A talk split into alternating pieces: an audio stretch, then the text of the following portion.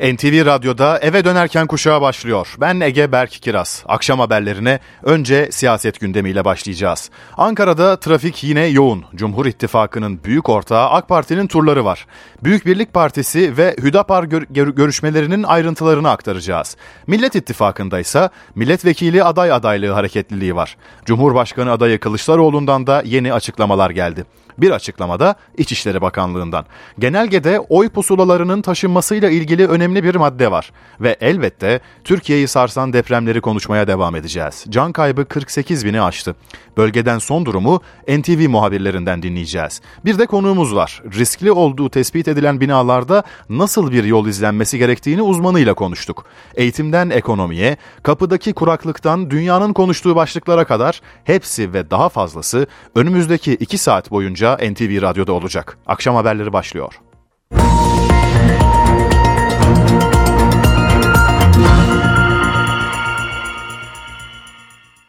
Cumhurbaşkanı Recep Tayyip Erdoğan geçtiğimiz cuma seçim kararnamesine imzayı attı. Türkiye seçim atmosferine girdi. Siyasette ittifaklar genişleyecek mi? Kimler seçime nasıl girecek sorularına yanıt aranıyor. Cumhur İttifakı cephesinde hareketli bir gün yaşanıyor. Cumhurbaşkanı Erdoğan Büyük Birlik Partisi Genel Başkanı Mustafa Destici ile bir araya geldi. Sonrasında da AK Parti'den bir heyet Hüdapar'a gitti. Temas trafiğini NTV'den Ahmet Örsoğlu izliyor. Ahmet neler aktaracaksın? Cumhur İttifakı'nın görüşme trafiği, ittifakı genişletme trafiği devam ediyor. Ee, yaklaşık bir saattir Hüdapar'ın Balgat'taki genel merkezinde bir görüşme var. AK Parti'den bir heyet, seçim işlerinden sorumlu Genel Başkan Yardımcısı ve e, AK Parti Genel Başkan Vekili Numan Kurtulmuş e, yaklaşık bir saat önce buraya geldiler ve e, Hüdapar Genel Başkanı Zekeriya Yapıcıoğlu'yla görüşme devam ediyor. Birkaç dakika içinde heyetin bulunduğumuz bu alana gelmesi ve açıklama yapması bekleniyor. Hatırlanacağı üzere daha önce Hüdapar Cumhurbaşkanlığı seçimlerinde Cumhurbaşkanı Recep Tayyip Erdoğan'ı destekleyeceğini açıklamıştı. Ancak bu desteğin nasıl olacağı e, biraz sonra yapılacak basın açıklamasında yanıt bulabilir. Bugün AK Parti sözcüsü Ömer Çelik'in AK Parti Genel Merkezi'nde bir e, açıklaması vardı basın mensuplarına. Önemli ifadeler kullandı. Cumhur İttifakı'nın genişlemesine yönelik çalışmalar konusunda. Şu ifadeleri kullandı. Büyük Birlik Partisi zaten Cumhur İttifakı'nın bir parçası. Yeniden Cumhurbaşkanımızı destekleyeceklerini açıkladılar ifadesini kullandı. Ömer Çelik devam etti. Karşımızdaki ittifak koltuk kavgası peşindeyken buradaki yegane gündem şehirlerin yeniden ayağa kaldırılması görüşmeler gayet iyi bir şekilde geçiyor ifadesini kullandı. Ee, burada devam eden görüşmeye ilişkin de açıklama yaptı Ömer Çelik. Şu ifadeleri kullandı. Hüdapar'ın Sayın Cumhurbaşkanımızın adaylığına destekleyeceğine yönelik açıklamalarına teşekkür ediyoruz dedi. Bu hafta içerisinde en kısa sürede dönüş yapacaklarını ilettiler ifadesini kullandı. İttifak yapıldığı zaman siyasi partiler kendi kurumsal kimliklerini ihlal edip e, kurumsal partiye dönüşmüyorlar. Her partinin kendi ilkeleri var ifadesini kullandı Ömer Çelik. Yine e, muhalefetin Hüdapar konusundaki eleştirilerine de yanıt verdi. PKK'yı lanetlemeyen hatta destekleyen bir partinin açıkça Kılıçdaroğlu'na desteği söz konusu. Bu konuya izah getirmeyenler Cumhur İttifakı'ndaki çelişki e, var mı yok mu bunu sorguluyor, sorguluyorlar ifadesini kullandı. Ve bugün gerçekleştirilen bir başka görüşme. Cumhurbaşkanı Recep Tayyip Erdoğan AK Parti Genel Merkezi'nde Büyük Partisi, Büyük Birlik Partisi Genel Başkanı Mustafa Desteci'yi kabul etti. E, zaten Büyük Birlik Partisi Cumhur İttifakı'nın e, üyesi olan partilerden bir tanesi. Destici bir açıklama yaptı çıkışta şu ifadeleri kullandı. Cumhur İttifakı bir ve bütün olarak yoluna devam etmektedir dedi. Açıklamasını sürdürdü. Parti olarak önümüzdeki seçimlerde Cumhur İttifakı'nın bir bileşeni olarak devam ediyoruz. Adayımız Recep Tayyip Erdoğan'dır ifadesini kullandı. E, biraz sonra yayının başında ifade etmiştim. E, bu Hüdapar'daki e, görüşme sonrasında heyetin kameraların karşısına geçmesi ve bir açıklama yapması bekleniyor. Ahmet Örsoğlu Ankara'dan aktardı. AK Parti heyeti geçen hafta yeniden Refah Partisi ile görüşmüştü. O görüşmede kadına karşı şiddetin önlenmesi kanununun tartışmaya açıldığı iddiası siyasette bugünün çok konuşulan başlıklarından biri oldu. Yeniden Refah Partisi'nden gelen açıklamanın aksine hükümet söz konusu kanunun masaya gelmediğini duyurdu. Kırmızı çizgi vurgusu dikkat çekti. Aile ve Sosyal Hizmetler Bakanı Derya Yanık, 6284 sayılı kanunun tartışmaya açılmasının kabul edilemez olduğunu söyledi. 6284 sayılı kanunun ruhuyla ve mevcutiyetiyle varlığı son derece önemlidir. Varlığının tartışmaya açılması dahi bizce kabul edilemez. Kadın hakları ve kadına yönelik şiddetle mücadele AK Parti'nin kırmızı çizgisidir. Bakan Yanık 6284 sayılı kanunun kadına yönelik şiddetle mücadele için yapılan en önemli düzenlemelerden biri olduğunu belirtti. Kanunun kabulünden bu yana uygulamayı da geliştirmek için çalıştıklarını da söyledi. Yeniden Refah Partisi ile yürütülen görüşmede yer alan AK Parti Genel Başkan Vekili Binali Yıldırım ise böyle bir talebin gündeme gelmediğini söyledi. Seçim dönemine girince e, ortalık toz duman olur. Herkes aklına geleni söyler. Biz sadece bir nezaket ziyareti yaptık. E, düşüncemizi paylaştık. Onlar da bu düşünceyi yetkili kurullarında değerlendirip bize bu hafta içinde cevap verecekler. Bu detayları hiçbirisini konuşmadık. Millet İttifakı kanadındaki gelişmelere bakalım. CHP'de milletvekilliği aday adaylığı süreci başladı. İyi Parti'de ise çarşamba günü başlayacak. Cumhurbaşkanı adayı CHP Genel Başkanı Kemal Kılıçdaroğlu'ndan da yeni bir açıklama var. CHP Genel Başkanı ve Millet İttifakı'nın Cumhurbaşkanı adayı Kemal Kılıçdaroğlu T24'ün sorularını yanıtladı. HDP ile görüşme ne zaman sorusuna yanıt veren Kılıçdaroğlu, HDP'nin değerli eş genel başkanlarıyla görüşeceğim. Arkadaşlarım planlamayı yapıyor dedi. MHP Genel Başkanı Devlet Bahçeli'nin Ahmet diye bir yer yoktur. Ahmet Spor diye bir kulüpten de bahsedilemeyecektir. Sözlerini de değerlendiren Kılıçdaroğlu, Ahmet Spor'un isminin Ahmet Spor olduğunu yeni mi duymuşlar dedi. CHP'de milletvekili aday adaylığı süreci de başladı. CHP'de milletvekili aday adaylığı başvuruları için bir yoğunluk söz konusu. Aday adayları başvuru ücretlerini yatırdıktan sonra başvuru formunu doldurmak için arkamızdaki masalara geliyorlar. Başvuru formu doldurulduktan sonra hukuk birimine gidip aday adaylığı için herhangi bir sorun olmadığı belirlendikten sonra süreç tamamlanmış oluyor. 27. dönemde de adaydım zaten. E kendime başarılar dileyim, inşallah diyeyim. Bugün milletvekili aday adaylığı müracaatımı gerçekleştirdim Burdur seçim bölgesinden. Ee, bu dönem e, hem Genel Başkanımız Kemal Kılıçdaroğlu'nun e, 13. Cumhurbaşkanı olarak hem de partimizi e, mecliste birinci parti yapmak için e, mücadelemizi gerçekleştireceğiz. İyi Parti'de ise milletvekili aday adaylığı başvuruları çarşamba gününden itibaren alınacak. Erkekler için 30 bin Türk lirası, kadınlar için 15 bin Türk lirası, engelli vatandaşlarımızdan ücret almayacağız. Yine gençlerimizden de 15 bin Türk lirası aday adaylığı başvuru ücretini almayı uygun buldu Genel İdare Kurulumuz. Yüksek Seçim Kurulu seçim takviminin 18 Mart'ta başlayacağını duyurdu. Buna göre milletvekili listeleri 9 Nisan'a kadar YSK'ya teslim edilecek. Cumhurbaşkanlığı adaylığı içinse son başvuru tarihi 23 Mart olacak. Yurt dışında ve gümrük kapılarında oy verme işlemi 27 Nisan'da başlayacak. Süreç 9 Mayıs'ta sona erecek. Takvim işlemeye başlamadan İçişleri Bakanlığı da tedbirlere ilişkin 81 ile genelge gönderdi. O genelgeden öne çıkan başlıkları madde madde aktaralım. Seçim güvenliği kapsamında 601.251 personel görev yapacak. Her ilde valilikler tarafından il seçim güvenlik planları hazırlanacak. Hassas noktalarda ilave güvenlik tedbirleri alınacak. Oy pusulalarının taşınmasında güvenlik önlemleri üst seviyeye çıkarılacak. Enerji arzında süreklilik sağlanacak. Elektrik kesintilerine karşı jeneratörler kullanımı hazır halde bulundurulacak ve sosyal medyada olası dezenformasyon ve provokatif paylaşımlar kolluk birimlerince takip edilecek.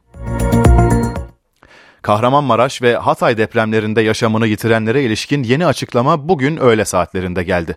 İçişleri Bakanı Süleyman Soylu, 48.448 kişinin hayatını kaybettiğini açıkladı.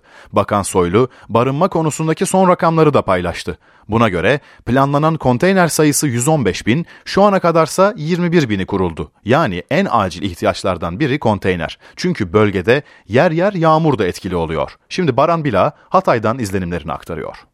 Şu sıralarda Antakya'da yağmur etkisini göstermeye başladı. Bu da çadır kentlerde kalan depremzedeleri bir parça zorlayan bir durum. Çünkü rüzgarın etkisiyle, e, yağmurun etkisiyle günü geçirmek daha zor bir hale geliyor. Dolayısıyla bölgede konteyner kenti geçiş çalışmaları da kritik öneme sahip kamu kurumları, belediyeler bu anlamda çalışmaya faaliyete devam ediyorlar.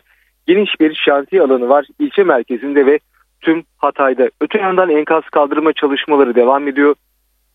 Bu da önemli bir aşama. Çok önemli bir aşama çünkü hem o hasarlı binalar yıkılmalı hem de enkaz haline gelmiş alanlar kaldırılmalı ki yerine güvenli yeni binalar inşa edilebilsin. Öte yandan o toz bulutunun, toz tabakasının kalkıp sağlık sorunları oluşturmaması için de bu işlemlerin hızlı bir şekilde yapılmasına özen gösteriliyor.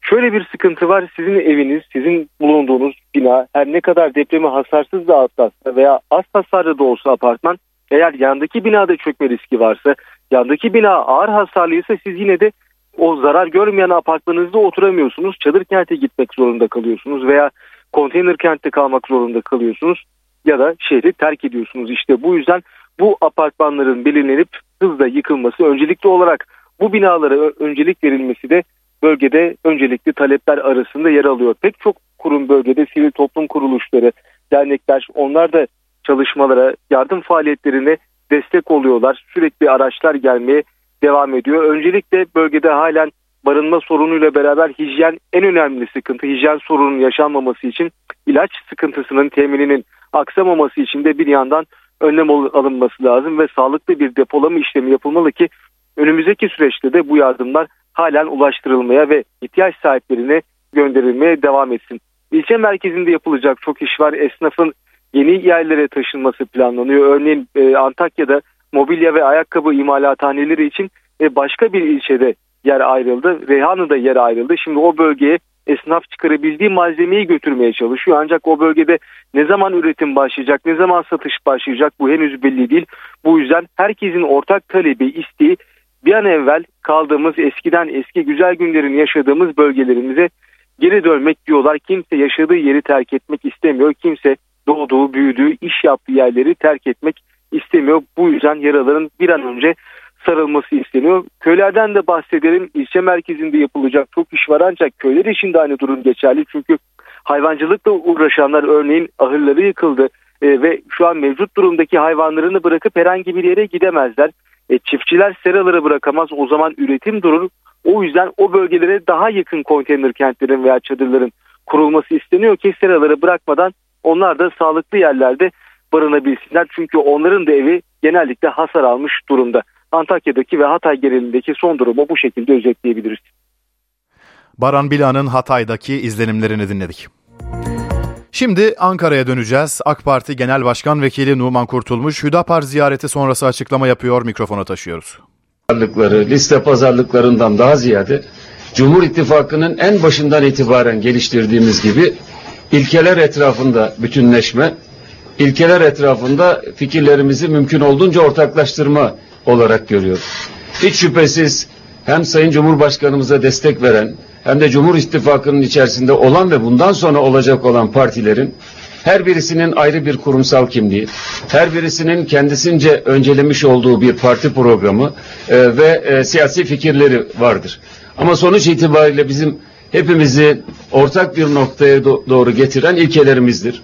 E, o da önümüzdeki süreçte Türkiye'nin Türkiye yüzyılına çıkan kapısını sonuna kadar açmak, yani yeniden güçlü büyük Türkiye'yi hep birlikte inşa etmek, ideali etrafında bütünleşmek, bunun içinde son derece stratejik hayati bir seçim olan 2023'ün 14 Mayıs'ında gerçekleşecek olan seçimlerde Türkiye yüzyılının kapısını sonuna kadar açmak yani Recep Tayyip Erdoğan'ı yeniden Türkiye'de Cumhurbaşkanı seçmek ve Cumhur İttifakı ve onunla birlikte parlamentoda olacak siyasi partileri de güçlü bir şekilde e, parlamentoya taşıyabilmektir.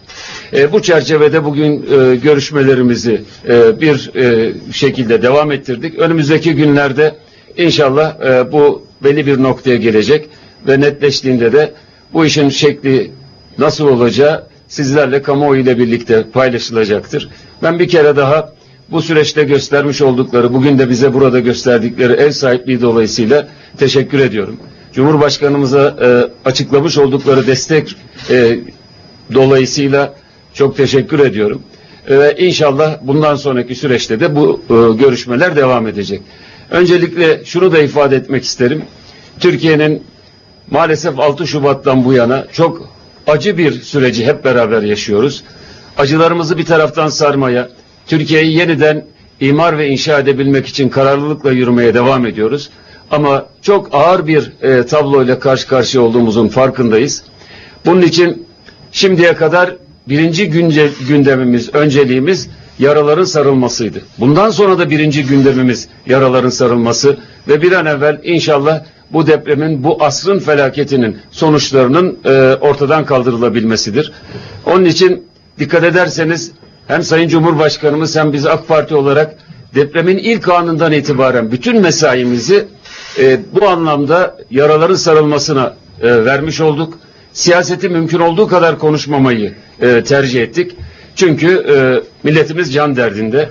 E, ama e, 10 Mart'ta Cumhurbaşkanımızın 14 Mayıs'ta yapılacak olan seçimleri resmen başlatan imzayı, o süreci başlatan imzayı atması, ardından Yüksek Seçim Kurulu'nun kararı ile birlikte seçim sürecinin resmi olarak başlatılması dolayısıyla ister istemez önümüzde çok önemli bir seçim var. Bu seçim süreci de başlamış oldu. Bu seçim sürecinin başlamasıyla birlikte hem siyasi partiler kendi programlarını daha yoğunlaştıracaklar hem de sistemin doğası gereği işbirliklerinin, ittifakların daha fazla genişlemesi konusunda partilerin arasında böyle e, ziyaretlerin, e, bir takım görüşme trafiklerinin daha da yoğunlaşması kaçınılmazdır. İşin doğası gereğidir. E, bu müzakerelerden de ben milletimizin hayrına olumlu sonuçlar çıkacağı kanaatindeyim. Ümit ediyorum ki e, en kısa süre içerisinde e, bu e, noktada adımları atarız ve bunu da e, milletimizle paylaşırız. Ben bu vesileyle e, bir kere daha Sayın Başkan'a ve değerli arkadaşlarına ev sahiplikleri dolayısıyla teşekkür ediyorum. E, sizlere de bu ilginiz dolayısıyla çok teşekkür ediyorum. AK Parti Genel Başkan Vekili Numan Kurtulmuş Hüdapar ziyareti sonrası bir açıklama yaptı. O açıklamayı canlı yayınladık. Şimdi deprem gündemine dönelim. Geride kalan acı hikayelerden birini anlatacağız. Antakya'da elit apartmanında 150 kişi yaşamını yitirdi. O apartmanda yaşayan Mümtaz Gövce o gece İstanbul'daydı. Enkaz altında kalan 10 yaşındaki kızı Elif yardım et diyerek ses kaydı yolladı. Baba ailesini kurtarmak için her şeyi yaptı ama başaramadı. Mümtaz Gövce'nin çaresizliğini, yaşadıklarını anlatmaya kelimeler yetmiyor. Enkaz altında kalan 10 yaşındaki kızı Elif Eylül, yaşamını yitirmeden kısa bir süre önce ona sesli telefon mesajları attı. Yardım göndermesini istedi. İki tane sesli mesaj atmış. Bir tanesinde baba enkaz Antakya'da deprem oldu. Lütfen yardım et. Ambulans çağır, konum at. Ben atamıyorum. Bizi kurtarsınlar. Bu birinci sesli mesajı. İkinci sesli mesajı baba sana ulaşamıyorum. Lütfen beni ara bana yardım et. Diye böyle en son baba galiba ben de öleceğim. Annemlere ulaşamıyorum. Karanlık. Mümtaz Gövce iş için İstanbul'daydı. Hatay'ın Antakya ilçesinde yaşadıkları elit apartmanı çökünce eşi Sena, 10 yaşındaki kızı Elif Eylül ve 6 yaşındaki kızı Ece Birce enkazın altında kaldı. Cenazelerine günler sonra ulaşabildi. Kızının kendisine attığı sesli mesajları ancak telefonu bulunca dinleyebildi. O sesli mesajlar o kadar üzücü ki ekranlarınıza getiremiyoruz. Bu annesinin telefonu. Hala o bu göçüğün altından çıktığı için bu tozlar onlardan kalma. Hiç ne sildim ne bir şey yaptım. Bu telefon annesinin. Annesinin telefonundan o kadar yalnızlık duygusuna kapılmış ki kendi attığına seni seviyorum diye yazmış. Mümtaz Gövce 8 ay önce apartmanda kolonların kesilmesine tanık olduklarını, bunu durdurduklarını söyledi. Sadece müteahhitlerin değil, tüm sorumluların cezalandırılması için suç duyurusunda bulundu. Elit apartmanında yaklaşık 150 kişi yaşamını yitirdi. Bir başka enkazın başına gideceğiz şimdi. Kahramanmaraş'ta Arı sitesinde bir blok ayakta, diğeri ise yerle bir oldu. Enkazda aynı aileden 3'ü çocuk 6 kişi hayatını kaybetti. Ailenin acı içindeki yakınları aynı sitede bir blok ayakta kalırken diğeri nasıl yıkıldı diye soruyor. Arı sitesi olarak geçiyor. Yani biri A blok, e, diğeri B blok. Yani B blok e, yıkılıyor, A blok sağlam kalıyor. İki bloktan biri ayakta, diğeri yıkıldı. O binanın enkazında anne, baba, babaanne ve 3 çocuk hayatını kaybetti. Binada dayımlar, anneannem ve çocukları oturuyordu. Ee, maalesef hepsini kaybettik. Yani aklımızda soru işareti kalan bir yan binada e, ağır hasarlı olup da kurtulanlar bu binanın direkt çökmesi. Kahramanmaraş'ın Dulkadiroğulları ilçesindeki arı sitesi. Kepçe ve dozerlerin hummalı bir şekilde çalıştığı yerse o sitenin B bloğu. Hatice Çelebi, Mehmet Çelebi ve Emine Çelebi ile 16 yaşındaki Berat, 10 yaşındaki Zeynep ve 2 yaşındaki Asel. Aileden 6 kişi enkaz altında hayatını kaybetti. Yani ağlamaktan artık e, gözyaşlarımız, göz pınarlarımız kurudu. E, duygularımızı artık yitirmeye çalışıyoruz. Hangi birine üzülelim? En yakın akrabaları Elazığ'dan gelen Burak Yıldız'dı. Ne kadar çabalarsa çabalasın yakınlarına ulaşamadı. Günler geçtikçe de umutları tükendi. Şimdi neden aynı sitede bir bloğun ayakta, diğerinin ise yıkık olduğu sorusuna cevap arıyor. Altta dükkan vardı. Yani sıralı rahat bir e, 5-6 tane dükkan vardı hiç yoksa. Kendimizce düşünüyoruz. Acaba alt dükkanlarda kolon kesilme işlemi mi yapıldı da bina dayanmadı? Deprem riski bulunmayan iller arasında yer alan Kırklareli'de ev ve arsalara yoğun talep var. Bu talep bazı mağduriyetler de doğurdu. Tarlalar arsa diye satıldı. Vize ilçesi belediye başkanı Ercan Özal'ın açıklamalarını verelim. Kahramanmaraş merkezli deprem felaketleri sonrası deprem bekleyen İstanbul'da da tedirginlik seviyesi arttı. Bazı İstanbullular komşu illerden ev ve arsa bakmaya başladı. Deprem riski az olan Kırklareli o illerden biri. Kırklareli'nin ilinin fay hattında olmaması e, buraya da İstanbul ilinden talepleri aşırı miktarda arttırdı. Bölgeye yönelik yoğun talep mağduriyet de yarattı. Öyle ki tarla statüsündeki yerler arsa diye satılmaya başlandı. Vize Belediye Başkanı Ercan Özalp bölgeden arsa almak isteyenleri uyardı. Biz büyük şehirde değiliz. Bizim köylerimiz ve muhtarlarımız özel. Köyün içinde bir yer aldığınız zaman sıkıntı yok.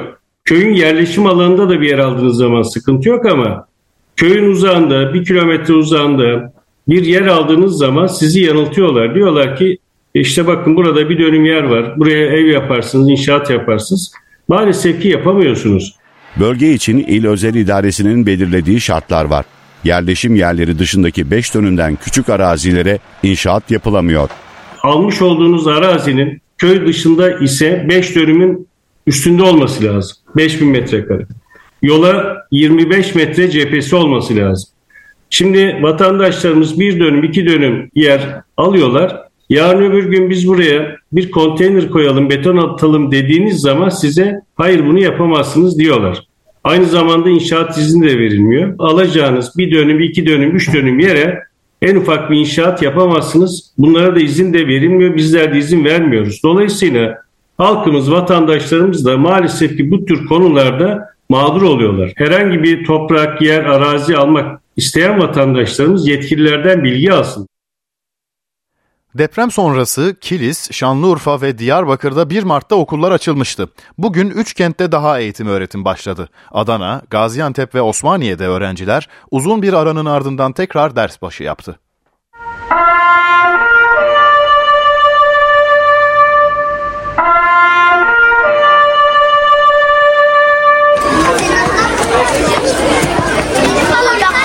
Kimi tedirgin, kimi heyecanlıydı. Öğrenciler bir ay sonra tekrar okulların yolunu tuttu. Depremin vurduğu Adana, Gaziantep ve Osmaniye'de eğitim öğretim başladı. Arkadaşlarımı çok özledim ve okulumu da çok özledim. Okulumu çok seviyorum. Ama deprem olur diye de korkuyorum.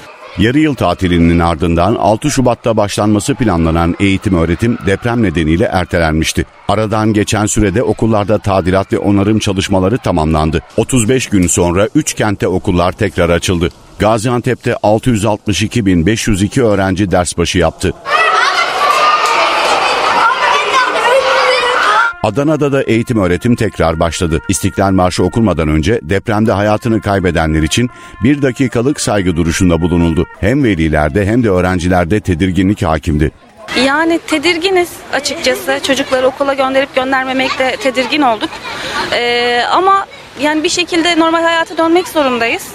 O yüzden bugün geldik okula. Kızım da burada. Okulların açıldığı bir diğer kentte Osmaniye. Öğrenciler 35 gün aradan sonra tekrar ders başı yaptı. Okulları hasar alan öğrencilerse konteyner kentlerde eğitimlerine devam ediyor. Kilis, Diyarbakır ve Şanlıurfa'da eğitim öğretim 1 Mart'ta başlamıştı. Kahramanmaraş, Hatay, Adıyaman ve Malatya'da ise okullar 27 Mart'ta açılacak. Yüksek Seçim Kurulu Başkanı Ahmet Yener bir açıklama yapıyor canlı yayınlıyoruz. Siyasi partilerin aday listeleri vermelerindeki usul ve esaslar ve son olarak da bağımsız milletvekili adaylığı için başvurudaki usul ve esaslar görüşülmüştür. Kamuoyuna saygıyla duyurulur arkadaşlar. Efendim kaç karar var mı? Hangi kararlar alındı? Tarihler, e, vize düzenleştirme Arkadaşlar bugün görüştüğümüz konular bunlar. Detayları bilahare e, yayınlandığı zaman takip edersiniz, öğrenirsiniz. Gece yayınlanır mı başkan peki? O sürede biz bir şey diyemeyiz. Tamam. Yüksek Seçim Kurulu Başkanı Ahmet Yener açıklamalarda bulundu. Mikrofona taşıdık. Eğitimden bir başka haberle devam ediyoruz. Liselere geçiş sınavının kılavuzu yayımlandı. Deprem nedeniyle olağanüstü hal ilan edilen 10 ildeki öğrenciler içinse özel bir karar alındı. Liselere geçişte merkezi sınav 4 Haziran'da yapılacak. Milli Eğitim Bakanlığı sınav kılavuzunu yayımladı. Sınav depremden etkilenen iller dahil ülke genelindeki tüm illerde gerçekleştirilecek. Kılavuza göre bu yıl sınav başvuruları yurt dışında e-okul sistemine kayıtlı olmayanla depremden etkilenen 10 ildeki öğrenciler hariç merkezi olarak bakanlık tarafından 3-13 Nisan tarihleri arasında yapılacak. Milli Eğitim Bakanı Mahmut Özer, o hal ilan edilen 10 ilde kayıtlı olan öğrencilerin istemeleri halinde diğer illerde sınava girebileceğini açıkladı.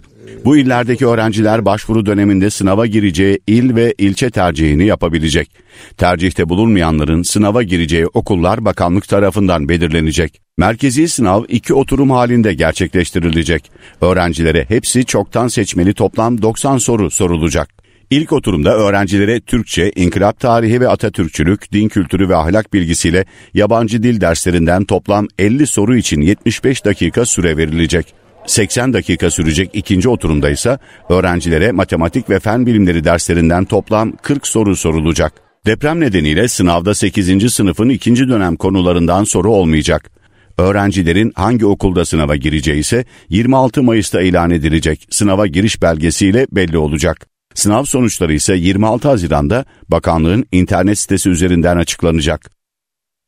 İhtiyaç kredilerinde faiz oranı geriliyor. Merkez Bankası'nın yazısı sonrası yeni haftada ihtiyaç kredisi ne oldu haberimizde verelim. İhtiyaç kredisi faizleri düştü.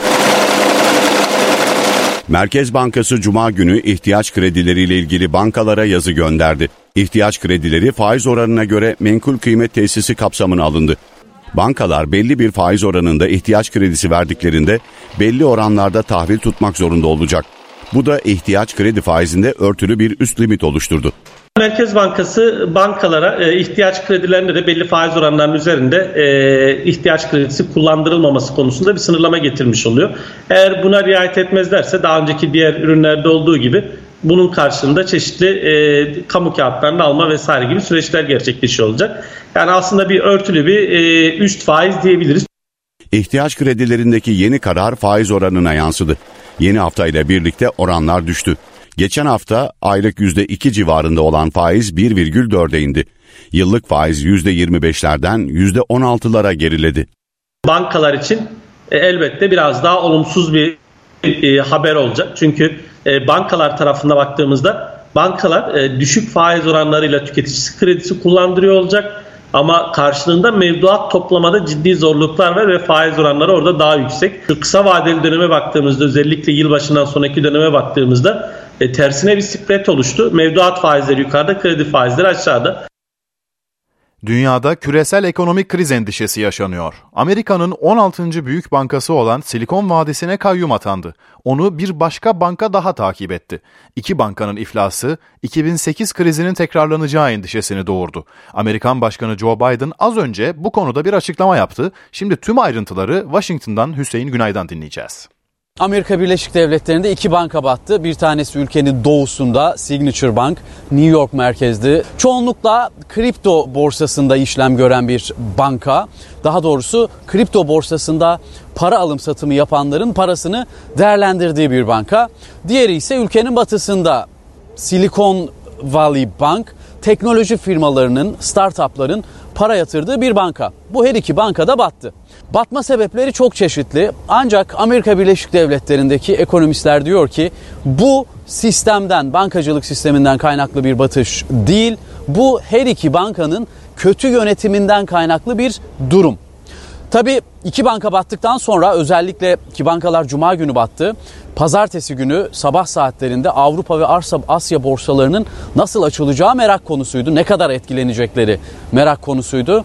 Joe Biden geç de olsa Beyaz Saray'da bir basın açıklaması yaptı. 3 dakika falan konuştu. Ancak çok net mesajlar verdi. Dedi ki bu bankalarda parası olan şirketler ve kişiler endişelenmesin. Herkes parasını alacak. 250 bin dolar sigorta limiti olmaksızın herkes parasını alacak dedi. Joe Biden'ın bir aması vardı. O da bu bankanın hisselerini borsada alan, satan yani borsada bu bankalarla işlem gören diğer yatırımcılara ilişkindi. Dedi ki size bir şey yapmayacağız. Eğer oradan kar ettiğinizde biz sizden para almıyorsak zarar ettiğinizde de size para ödemek zorunda değiliz. Bu yüzden kapitalizm bunu gerektirir. Size herhangi bir para ödemesi yapılmayacak. Bankada parası olan şirket ve kişiler parasını alabilecek ancak borsada bu bankalarla işlem yapan yatırımcılar parasını alamayacaklar. Joe Biden dedi ki bu bankalar kötü yönetildiği için battı. Bu yüzden her iki bankadaki bütün üst düzey yöneticileri kovuyoruz. Zaten bu beklenen bir adımdı. Joe Biden bunları söyledi.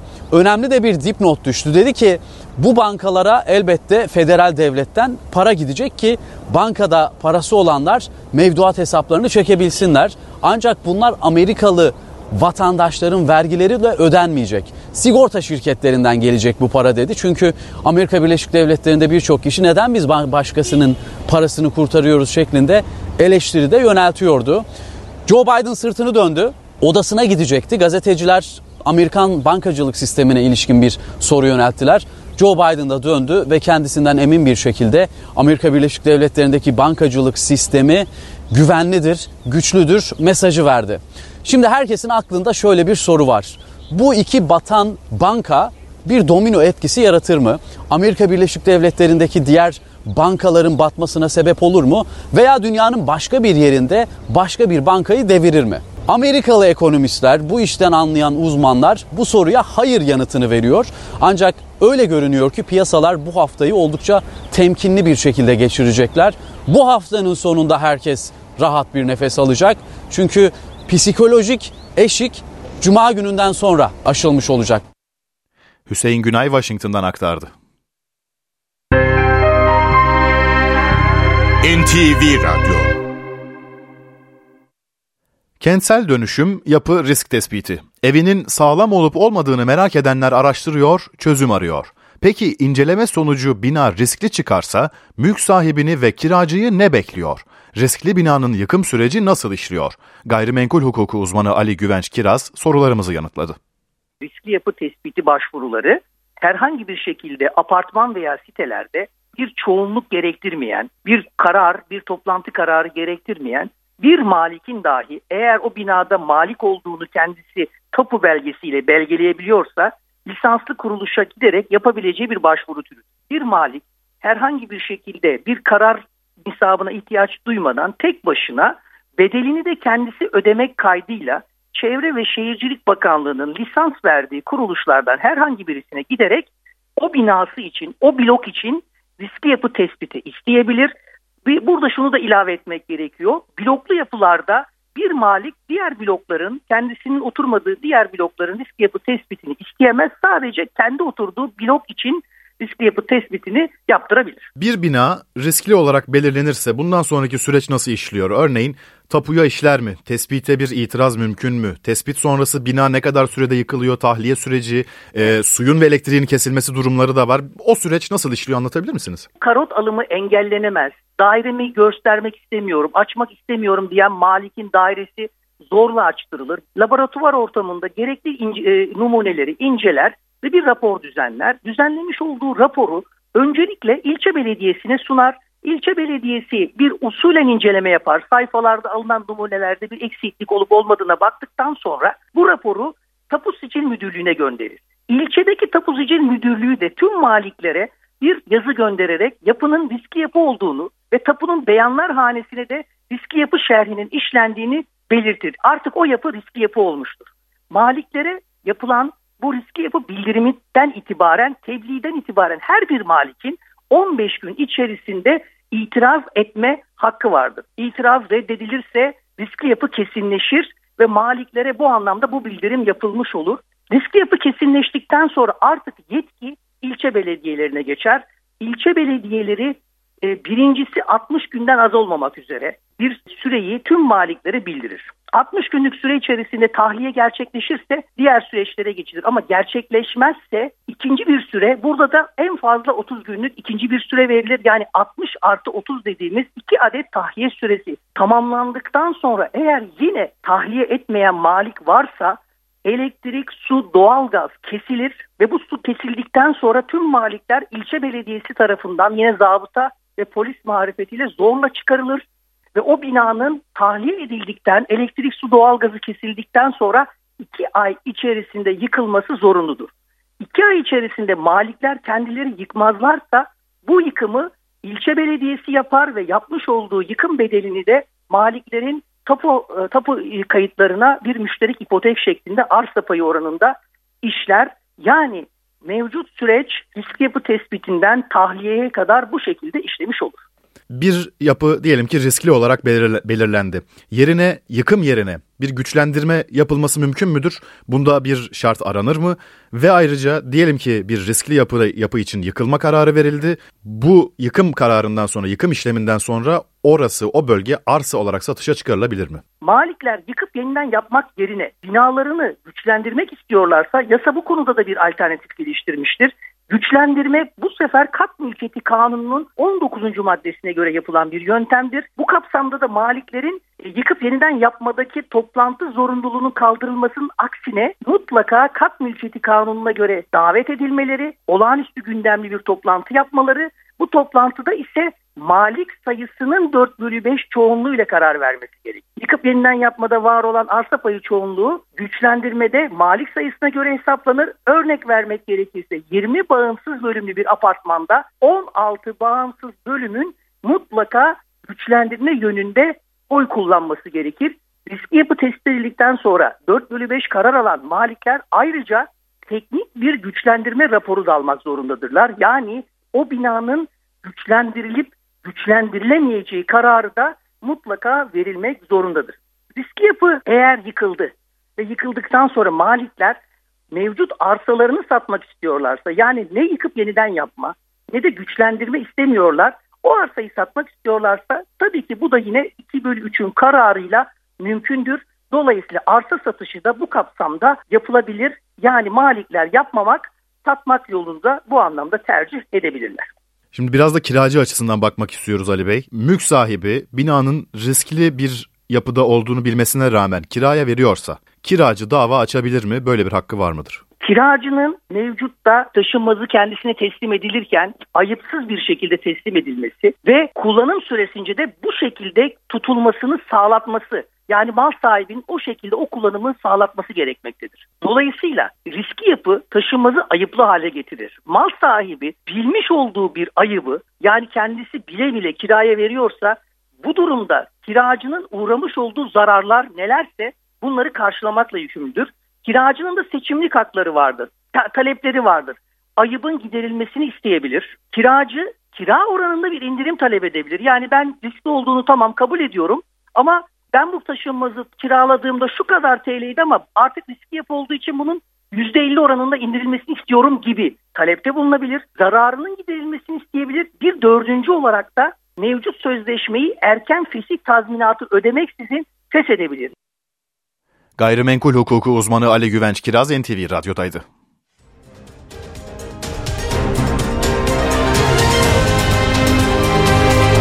NTV Radyo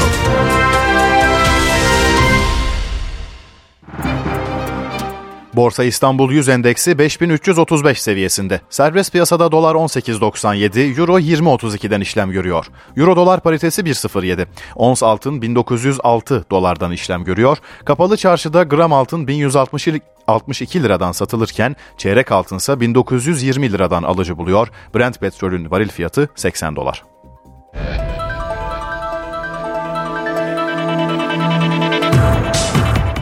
Nicolo Zaniolo Galatasaray'daki ilk maçında taraftarın gönlünü kazanırken performansıyla Avrupa basınında da büyük övgü topladı. 23 yaşındaki futbolcunun kısa kariyerinde çalkantılar olsa da ondan beklentiler büyük. Yıldızını parlatma hedefiyle transfer olduğu Galatasaray'da göstereceği performansla İtalya milli takımının değişilmezleri arasına gireceği düşünülüyor. Savruk çocuk geri dönmüşe benziyor. Galatasaray'ın yeni yıldızı Nicolo Zaniolo'nun performansı Avrupa basınında bu sözlerle yorumlandı. Devre arasında Roma'dan transfer edilen 23 yaşındaki futbolcu çıktığı ilk maçta fileleri havalandırdı. Üstelik oyuna girdikten yalnızca 11 dakika sonra. Zaniolo Avrupa basınının yakın takibinde. İtalya'nın önde gelen gazetelerinden La Gazzetta dello Sport'un yazarı Massimiliano Ancona, Zaniolo'nun Türkiye kariyerine görkemli bir başlangıç yaptığını yazarken İtalya milli takımına da yeniden göz kırptığını vurguladı. Taraftarlar Zaniolo'yu maçın oyuncusu seçti. Karşılaşmanın ardından onunla tezahüratlar yaptılar. Performansı Avrupa Şampiyonası elemeleri öncesinde İtalya milli takımı teknik direktörü Roberto Mancini'yi de memnun etmiş olmalı. Çünkü savruk çocuk geri dönmüşe benziyor. Nicolo Zaniolo Galatasaray'a transferinden önce Roma'da geleceğin en parlak yıldızları arasında gösteriliyordu. 3 sezon önce kariyerinin henüz başında geçirdiği ağır sakatlıklarla bir yılı aşkın süre sahalardan uzak kaldı. Ardından form yakalasa da geçen sezon Jose Mourinho'nun gözüne giremedi, kulüp yöneticileriyle de sorunlar yaşadı. Zaniolo'nun Roma'dan ayrılmasına kesin gözüyle bakılıyordu. Premier Lig ekiplerinden Bournemouth 23 yaşındaki futbolcuyu istese de o şampiyonluk hedefleyen bir takıma gitmek için Galatasaray'ı tercih etti. Kasımpaşa'yı Zaniolo'nun golüyle yenen Galatasaray, 63 yıldır Beşiktaş'ın elinde bulundurduğu galibiyet serisine de son noktayı koymayı başardı. Beşiktaş'ta Tayyip Talha Sanuc'un durumu belli oldu. Tedavisine başlanan 23 yaşındaki oyuncu İstanbulspor karşısında forma giyebilecek. Tayyip Talha, Beşiktaş'ın 2-0 kazandığı Başakşehir maçının 41. dakikasında sakatlanmıştı. Sağ dizinden darbeye bağlı ödem tespit edilen 23 yaşındaki stoperin durumu iyi. Kontrollerinde ciddi bir bulguya rastlanmadı. Talha, Beşiktaş'ın İstanbulspor'la karşılaşacağı maçta forma giyebilecek. Raşit Gezzal'ın da ciddi bir sorunu bulunmuyor. Başakşehir maçında tedbir amaçlı oynatılmayan Cezayirli futbolcu İstanbul İstanbulspor karşısında görev yapabilecek. Beşiktaş Teknik Direktörü Şenol Güneş, Medipol Başakşehir galibiyetinin ardından oynadıkları futbolla haklı bir galibiyet aldıklarını söyledi. Emre Belözoğlu ise 10 kişi kalmalarının sonucu etkilediğini gör- görüşündeydi. Biz golü bulunca avantaj yakaladık. 10 kişi kalınca avantajımız fazla gibi görünse de bugün çok fazla anormal şekilde top kayıpları yaptık. E, rakip hep her ortak gibi göründü. İkinci yarında belli bölümünden sonra net pozisyonları kaçırdık ama tamamına bakarsa hak ettiğimiz maçı aldığımızı düşünüyorum. Oyuncuların kazanma isteği iyiydi. Sadece topu iyi kullanmak ve oyunu yönetme eksikliği vardı. Eksiklerimiz buydu ama artılarımız fazlaydı. Kritik bir maçtı. Mutluyuz. Oyuncuları tebrik ediyorum. İyi başladığımız, bence devamında da oyunun bize döneceği hatta skorun bize geleceğini hissettirdiğimiz anlarda çok basit bir bireysel hata Beşiktaş'ın tabii çok oyuncu kalitesi var. Girdikleri bilmiyorum sayısı olarak istatistik olarak bakmadım. Ama ilk şut galiba gol oldu. Biz ondan sonra yine oyuna dönmeye çalıştık. Bence de iyi işler de vardı. Ceza sahasına da indirdik topu. Tabii ondan sonra bir 10 kişi kaldık. 10 kişi kalmak Beşiktaş'a karşı kolay değil. E, iki gün önce de biz e, çok zorlu bir hava e, saha şartlarından buraya geldik. Beklentim bizim için çok önemli bir hedef olan Çarşambaya bunun yansımaması. Oyuncularımız elinden geldiğince iyi mücadele ettiler. Kalite olarak Beşiktaş'ın altında oyuncu kalitemiz olsa da bence çocuklar elinden gelen her şeyi yaptılar. 11-11 olsa belki başka bir maçta olabilirdi diye düşünüyorum. Kendi şahsi fikrim böyle. Fenerbahçe Beko'da Barcelona maçında sakatlanan Dişan Pierre'in durumu belli oldu. Kulüp, Kanadalı oyuncunun bir ay sahalardan uzak kalacağını duyurdu. Turkish Airlines Euroleague'in 28. haftasında Fenerbahçe Beko'nun Barcelona'yı 81-73 yendiği maçta 12 dakika sahada kalan Dişan Pierre maçı tamamlayamamıştı. Yapılan kontrollerin ardından 29 yaşındaki oyuncunun sol bacak baldırında kas yaralanması tespit edildi. Pierre 3-4 hafta sahalardan uzak kalacak. Bu sezon Euroleague'de 22 maça çıkan Dişan Pierre 6.3 sayı, 3.4 rebound ve 1.5 asist ortalamasıyla oynuyor. İstanbul'da trafik yoğunluğu %65 seviyesinde. Avrupa'da D100 Merter Yeni Bosna arasında yoğunluk var. Ayrıca Tem Mahmut Bey iki telli arasında da iki istikametteki yoğunluk devam ediyor. Anadolu'da Tem Dudullu Ataşehir ve D100 Maltepe hattında iki istikametli yoğunluk var. Köprülere bakalım. 15 Temmuz Şehitler Köprüsü iki yakadan geçiş bu dakikalarda tıkalı. Fatih Sultan Mehmet Köprüsü'nde yoğunluk sadece Avrupa'da. Anadolu'dan geçişler bu dakikalarda açık. Yolda olanlara iyi yolculuklar.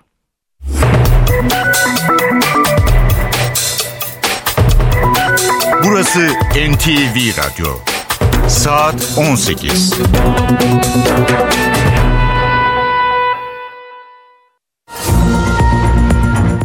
NTV Radyo'da eve dönerken kuşağa devam ediyor. Saat başındayız ve haberlerle karşınızdayız. Türkiye 14 Mayıs'ta sandığa gidiyor. Siyaset arenası her geçen gün hareketleniyor. İttifakların genişlemesi gündemde. Cumhur İttifakı cephesinde peş peşe görüşmeler yapılıyor.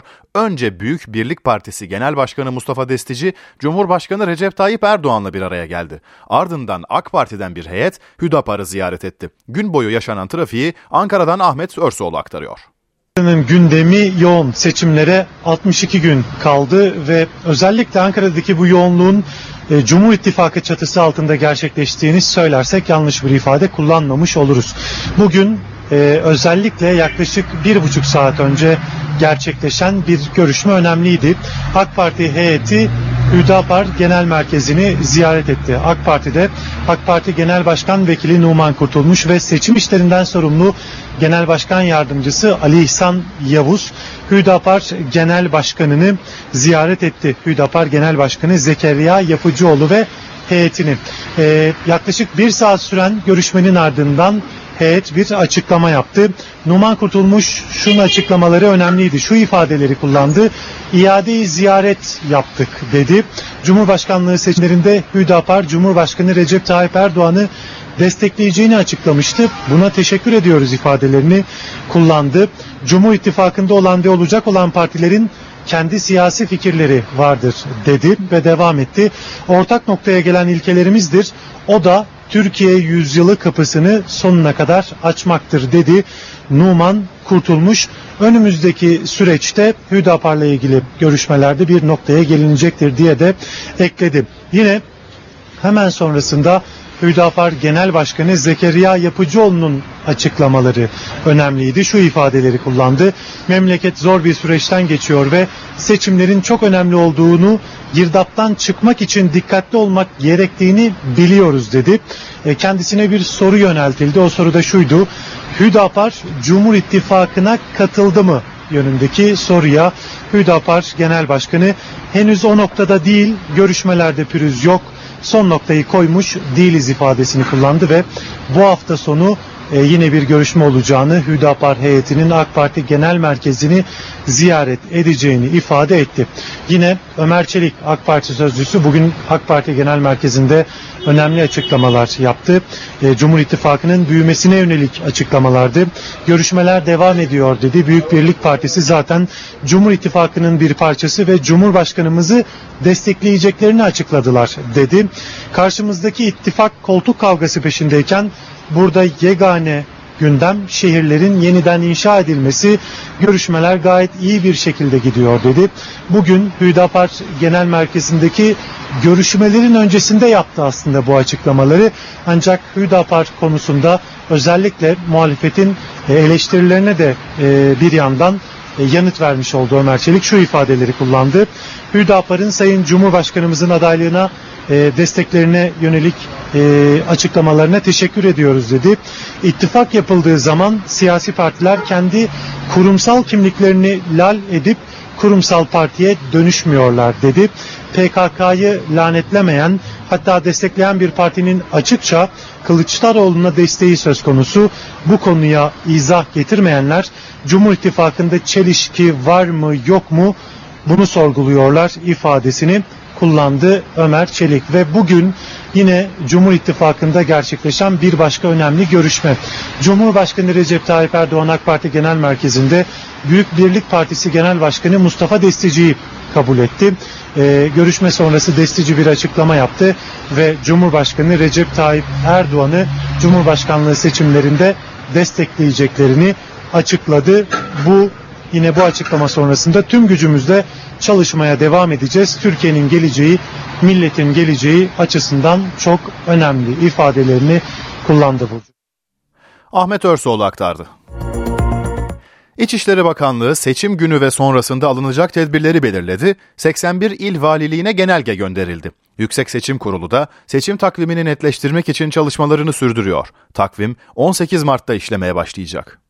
14 Mayıs 2023 tarihinde yapılacak olan Cumhurbaşkanlığı ve 28. dönem milletvekili seçimlerinde seçim takviminin başlangıç tarihi olarak 18 Mart 2023 tarihi belirlenmiştir. Seçim takvimi 18 Mart'ta başlayacak. Yüksek Seçim Kurulu çalışmalarını sürdürürken takvime ilişkin ayrıntılar da belli olmaya başladı.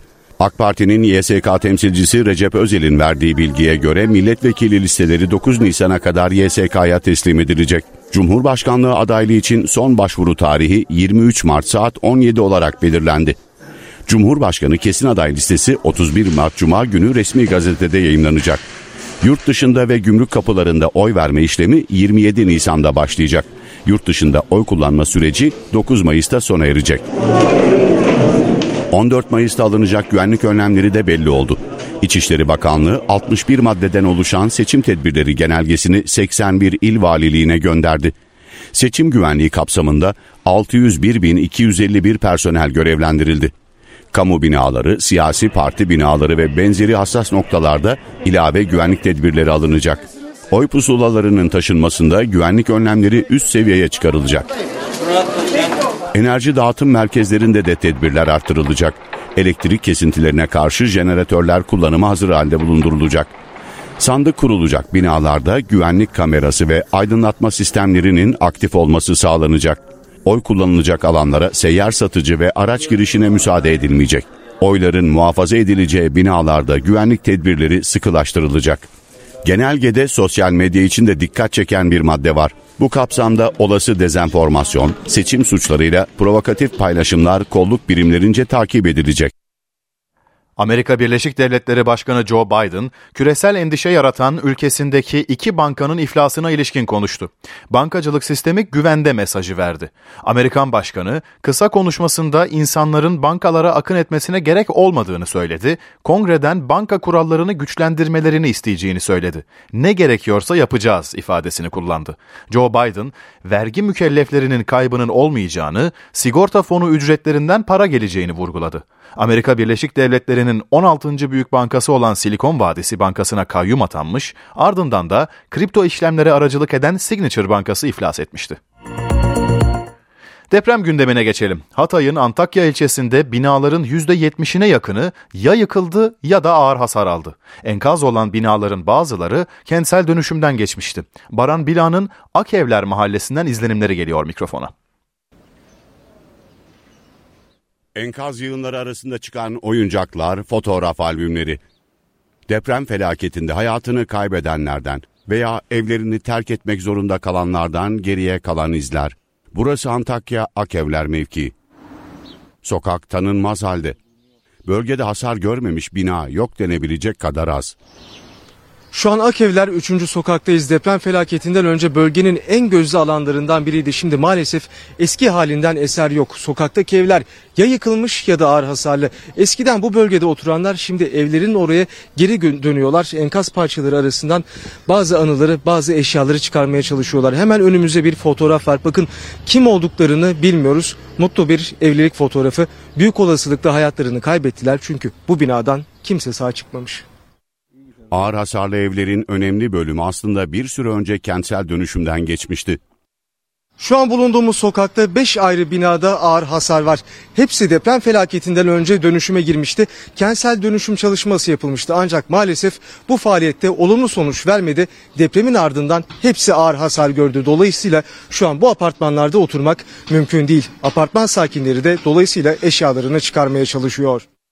Depremzedeler yıkılan evlerinin önünde eski günleri hatırlatacak bir eşya, bir anı arıyor. Yaşadıkları korku dolu anları anlatıyor. Onlardan biri de köpeği Zeus'la bir çadır kentte yeniden hayata tutunmaya çalışan Oya Şeker. Siz nerede kalıyorsunuz şu an? Ben şu an e, arkadaşımın ailesiyle çadırdayım. Expo'nun orada Doğanköy civarı. Zeus sağ olsun beni Bakın hani buraya geldik bırakmıyor yanımdan hiç ayrılmıyor. Yani şöyle bıraksam da gitmez. Ee, depremden sonra ekstra bir böyle bana bağımlılığı gelişti. Zaten öyleydi de. Siz de onu bırakmayacaksınız herhalde. Tabii tabii. Oya Şeker depremde pek çok yakınını kaybetmiş. Yastık ve bir battaniye alarak L koltuğum var sağlam olduğunu düşündüğüm L koltuğum var onun arasına sığındım. Bir an durdu. Direkt annemlere koştum onlarla birlikte aşağı koştuk. Kız enkazda kaldı. Depremden sonra ikinci depremde. Bacağın üstünde şöyle büyük bir kolon var. Onu kaldıracak ben iki tane annem babam da 74 yaşında iki tane güçlü kuvvetli erkek bulamadım. Kızı kurtarabildiniz mi? Kızı kurtardık tabii. Kurtardık. Hani bacağı sıkıntılı ama kurtardık. Eskiden Akevler sitesinde yaşayanlar yıkılan binaların yerine sağlam, depreme dayanıklı konutlar inşa edilmesini istiyor.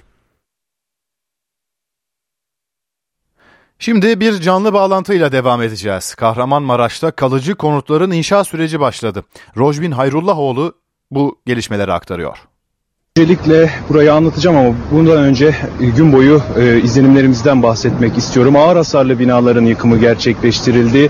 Enkaz kaldırma çalışmaları yürütüldü. Birçok noktada Kahramanmaraş'ta e, dediğimiz gibi e, aslında valilik tarafından e, bu her gece açıklanıyor hangi binanın yıkılacağı, hangi enkazın kaldırılacağı oraya yakınları gidip o enkazı e, yerinde takip edebiliyorlar. En azından çıkan eşyalarına ulaşabiliyorlar. E, sadece e, yıkılan bina sayısıyla ilgili değil, acil yıkılacak bina sayısıyla ilgili verilen bilançoyu da paylaşmak istiyorum. Bunlar e, Kahramanmaraş Büyükşehir Belediyesi tarafından AFAD'dan alınan bilgiler. E, yıkılan bina sayısı 7298 e, Kahramanmaraş'ta. E, 4497 yaklaşık 4500 binada acil yıkılacak bina e, durumunda 1481'inde sadece yıkım e, gerçekleştirilebildi şu ana kadar. Tabi bu e, her gün bu sayılarda değişiklik yaşanabiliyor. Vefat sayısı 12.683. Kahramanmaraş il genelinde tabii ki daha önceki yayınlarımızda da aktarmıştık. Hastanede tedavi altında olanlar var, yoğun bakımda olanlar var. Bu sayının artmasından da endişe duyuluyor. Kesin hasar tespit sonuçları muhtarlıklara asıldı. 30 gün içerisinde e, depremzedeler buradan kontrol edip o sonuçlara e-devlet üzerinden ya da kaymakamlıktan itiraz hakları var. Eşya tahliyesi yapan çok kişi gördük. Eşya tahliyesinde bulunanlar vardı. Nakliye firmaları aracılığıyla yapanlar oldu. Kimileri de eşyalarını kendi çıkarmaya çalıştı. Barınma ihtiyacından da bahsedelim. İl genelinde 18 konteyner kent tamamlandı. Bu sayının 36'ya çıkarılması planlanıyor. Yaklaşık 20 bin konteyner kurulacak Kahramanmaraş il genelinde. Toplam çadır sayısı da 92.975. E, bu rakamları paylaştıktan sonra şu anda bulunduğumuz bölgeyi anlatalım. E, Dulkadiroğlu ilçesinde Sakarya mahallesindeyiz. Burası aslında biraz yüksek bir kesim diyebiliriz Kahramanmaraş'ın. Çok eski yapı var ama çoğu ayakta az hasarlı ama yıkılan binalar da bu bölgede de var ne yazık ki. Birçok kişi geceyi dışarıda geçiriyor her ihtimale karşı çünkü artçı sarsıntılar yaşanıyor. Esnaf da bir yandan çalışmalarına devam ediyor. Şu anda kameraman arkadaşım Zafer Karakaş da size zaten çevredeki yapıları gösteriyor. Arkamızdaki pazardan bahsetmek istiyorum. Burada aslında birçok noktada hep dile getiriyoruz ihtiyaçlar var diye. Meyve sebze ihtiyacının karşılanması için Kahramanmaraş'ta bir pazarcı şu anda tezgah açmış vaziyette. Ürünlerini ağırlıklı olarak Adana'dan getirdiğini söylüyor. Maliyetin altında satıyor. Depremzede lere en azından bu şekilde hizmet etmeye çalışıyor. Özellikle çocukların çünkü vitamine ihtiyacı var. Bu tarz ürünlere ihtiyacı var. Onlar için en azından e, Adana'dan buraya her gün hemen hemen gidip geliyor ve eşya taşıyor. Akşam saatlerine kadar saat 7'ye kadar bu noktayı açık tutuyor. Diğer dükkanları da göstermek istiyorum. Az hasarlı olduğu için bazı dükkanlar açık ve hizmet verebiliyor bu noktada. Bir fırın var. O fırında sürekli ekmek üretimi gerçekleştiriliyor. Civardaki insanlar en azından buradan ihtiyaçlarını giderebiliyor. Hemen yan tarafta yine kameraman arkadaşım Zafer Karakaş'tan rica edeceğim. Bir berber var. E, berberde şu an tıraş olan çok sayıda kişi var. Hem çocuk hem erkek birçok kişiyi görüyorsunuz. İnsanlar burada en azından hijyen konusunda da dediğim gibi sıkıntılar yaşandığı için o ihtiyaçlarını da gidermeye çalışıyorlar. En azından uzun zaman sonra tıraş olanlarla karşılaştık burada. E, esnaf da bir yandan ayakta kalmaya çalışıyor. Ticari faaliyetlerini yeniden yürütmeye çalışıyor. Bununla ilgili çalışmalar da yürütülüyor. Buradakiler az hasarlı binalar olduğu için en azından dükkanlarını açabiliyor ama açamayanlar da var. Onlar için de prefabrik çarşılar kuruluyor. E, kentin birçok noktasında kurulacak. 23 ayrı noktada bu çarşılar kurulacak. 1075 iş yeri olacak. Tabi bu sayı daha ilerleyen günlerde artacak. E, şu an için dediğimiz gibi e, iş yeri ağır hasar alanlara bu prefabrik çarşılar tahsis edilecek. Dulkadiroğlu ilçesinde Egemenlik Mahallesi'nde biz bir tanesini e, gündüz yayınlarımızda göstermiştik. Orada da 50 iş yeri için aslında çalışmalar yapılıyordu ve büyük bir ölçekte tamamlandı. 36 iş yeri dükkan tamamlandı. 50'ye tamamlanacak bu sayı. Sonra da kura ile depremzedelere, esnafa bu dükkanlar tahsis edilecek. Tabi barınma ile ilgili bilgiler vermek lazım. E, konteyner kentlerden bahsettik ama kalıcı konutlar önemli. Çevre Şehircilik ve İklim Değişikliği Bakanı Murat Kurum açıklamada bulunmuştu. Kahramanmaraş'ta 72 bin 596 konut yapılacağı belirtilmişti. Avşin, Elbistan, Pazarcık ilçelerin ardından Dulkadiroğlu ilçesinde de zemin etüdü çalışmaları tamamlandı.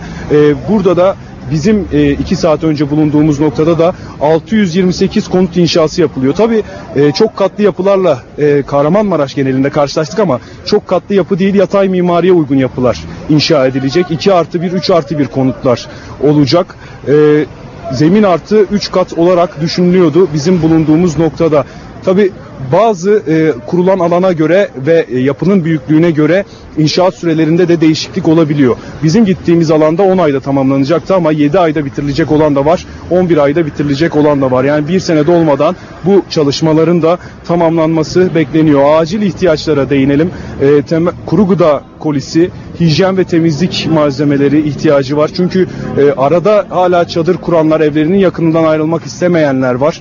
E, tuvalet, banyo gibi ihtiyaçlarını karşılamakta zorlanabiliyorlar.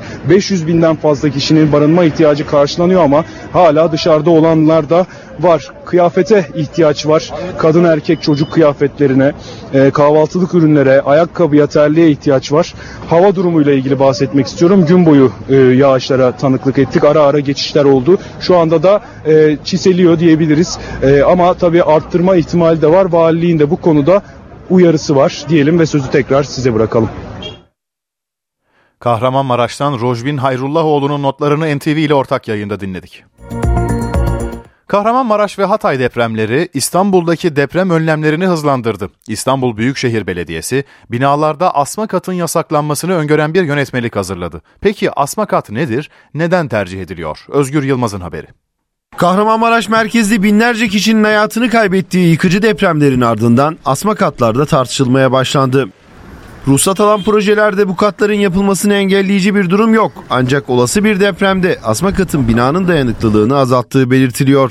Asma katların olduğu binaları İstanbul'un dört bir yanında özellikle de ana caddelerde altı iş yeri olarak kullanılan binalarda görmekteyiz. Çeliktepe'deyiz 5 katlı binanın altında da asma kat var. Asma katların olduğu dükkanlar normal dükkanlara göre daha yüksek çünkü içeride yarım bir kat daha bulunuyor. Ancak olası bir depremde asma katların binaların yıkılmasına neden olabileceği belirtiliyor. İşte bu nedenle yeni yapılacak binalarda asma katların yasaklanması gündemde. Bulunduğumuz dükkanın yüksekliği yaklaşık 4,5 metre asma katın olduğu bölüme çıkmaktayız. Asma kata işte dükkanın içindeki dar merdivenden ulaşabiliyoruz. Asma katın olduğu dükkanlarda merdivenler çok daha dar. Burası dükkanın içi gibi değil. Tavan alçak, çok da konforlu bir alan değil.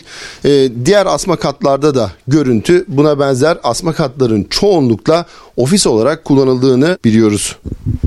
Yumuşak kat, kısa kolon etkisi dedikleri e, depremdeki e, kırılganlığı oluşturan unsurlardan biri olan asma katın yapılmasına izin vermiyor. Bundan sonra İstanbul'da yönetmeliğimiz yürürlüğe girdiğinde asma kat yapılamayacak. E, bu işte depremdeki en fazla kırılganlık yaratmış unsurlardan birisi olarak da öne çıkıyordu. İstanbul Büyükşehir Belediyesi yönetimi yeni yapılacak binalarda bu katların yasaklanmasını öngören bir yönetmelik hazırladı. İstanbul Büyükşehir Belediye Meclisi'nde bu hafta görüşülecek yönetmelikte iki katı aşan binalarda bodrum katı mecburi hale getirilmesi, binaların 5 yılda bir denetlenmesiyle riskli binaların etiketlenmesi de var.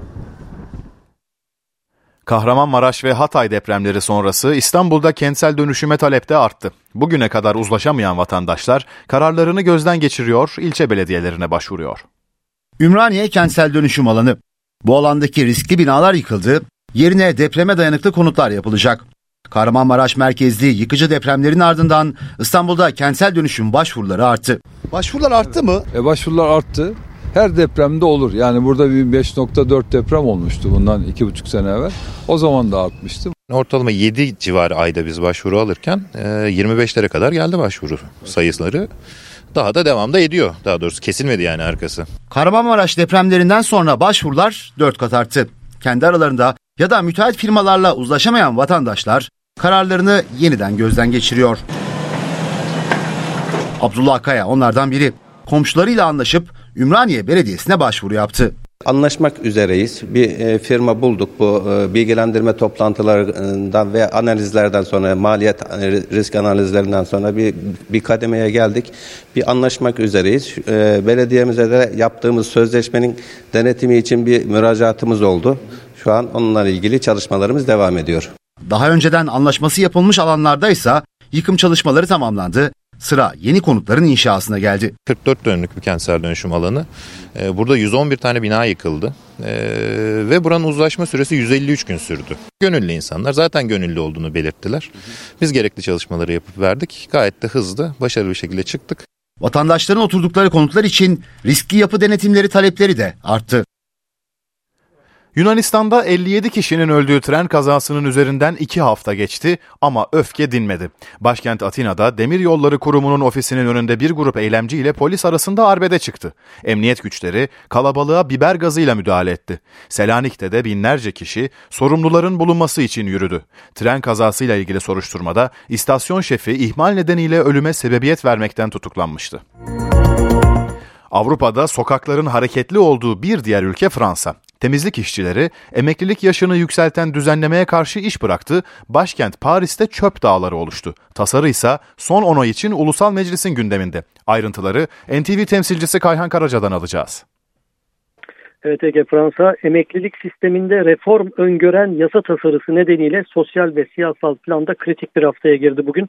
Tasarının bu hafta par Fransız parlamentosunda onaylanması bekleniyor. Fransa'da parlamento, senato ve meclis olmak üzere iki kameradan oluşmakta. Cumhurbaşkanı Macron'un iktidar partisi ne senato ne de mecliste mutlak çoğunluğa sahip değil. An e, yasa tasarılarını kabul ettirmek için ittifaklara ihtiyacı var. Tasarı cumartesi gece yarısı sağ partilerin çoğunlukta olduğu senatoda 112'ye karşı 195 oyla kabul edildi. Senatoda rötuşlanarak ama genel haklarını koruyarak kabul edilen metin yasal prosedür nedeni nedeniyle gereğiyle 15 Mart çarşamba günü Senato ve meclis üyelerinden oluşan karma parlamenter komisyonunda ele alınacak. Şayet bu karma komisyon ortak bir metinde uzlaşırsa 16 Mart Perşembe günü meclis ve senato genel kurullarında yasa tasarısıyla ilgili nihai oylamalar yapılacak.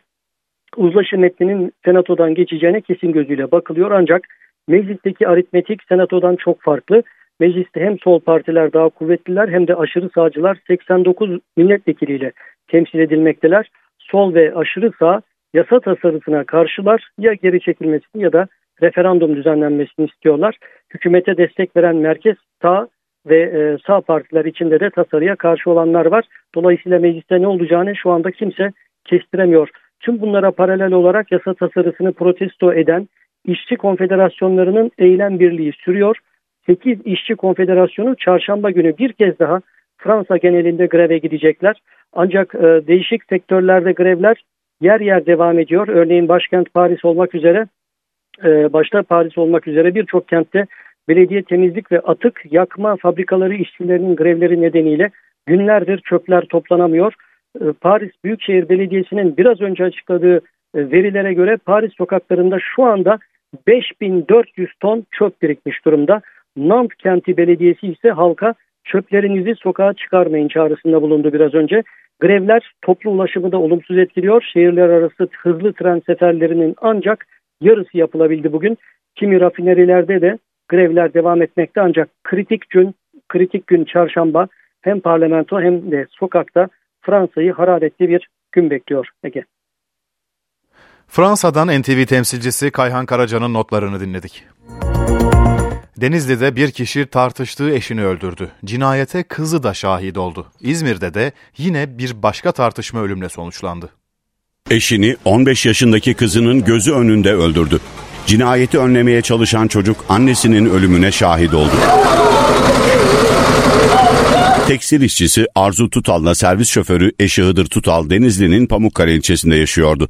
Çift arasında tartışma çıktı. Silahını çıkaran Hıdır Tutal'a 15 yaşındaki kızı engel olmak istedi. Ancak Tutal kızını itip eşine ateş açtı. Daha sonra da aynı tabancayla hayatına son vermek istedi. Silah seslerini duyan komşular polise haber verdi. 48 yaşındaki Arzu Tutal olay yerinde hayatını kaybetti. Hıdır Tutal ise ağır yaralı olarak hastaneye kaldırıldı. Hayati tehlikesi var.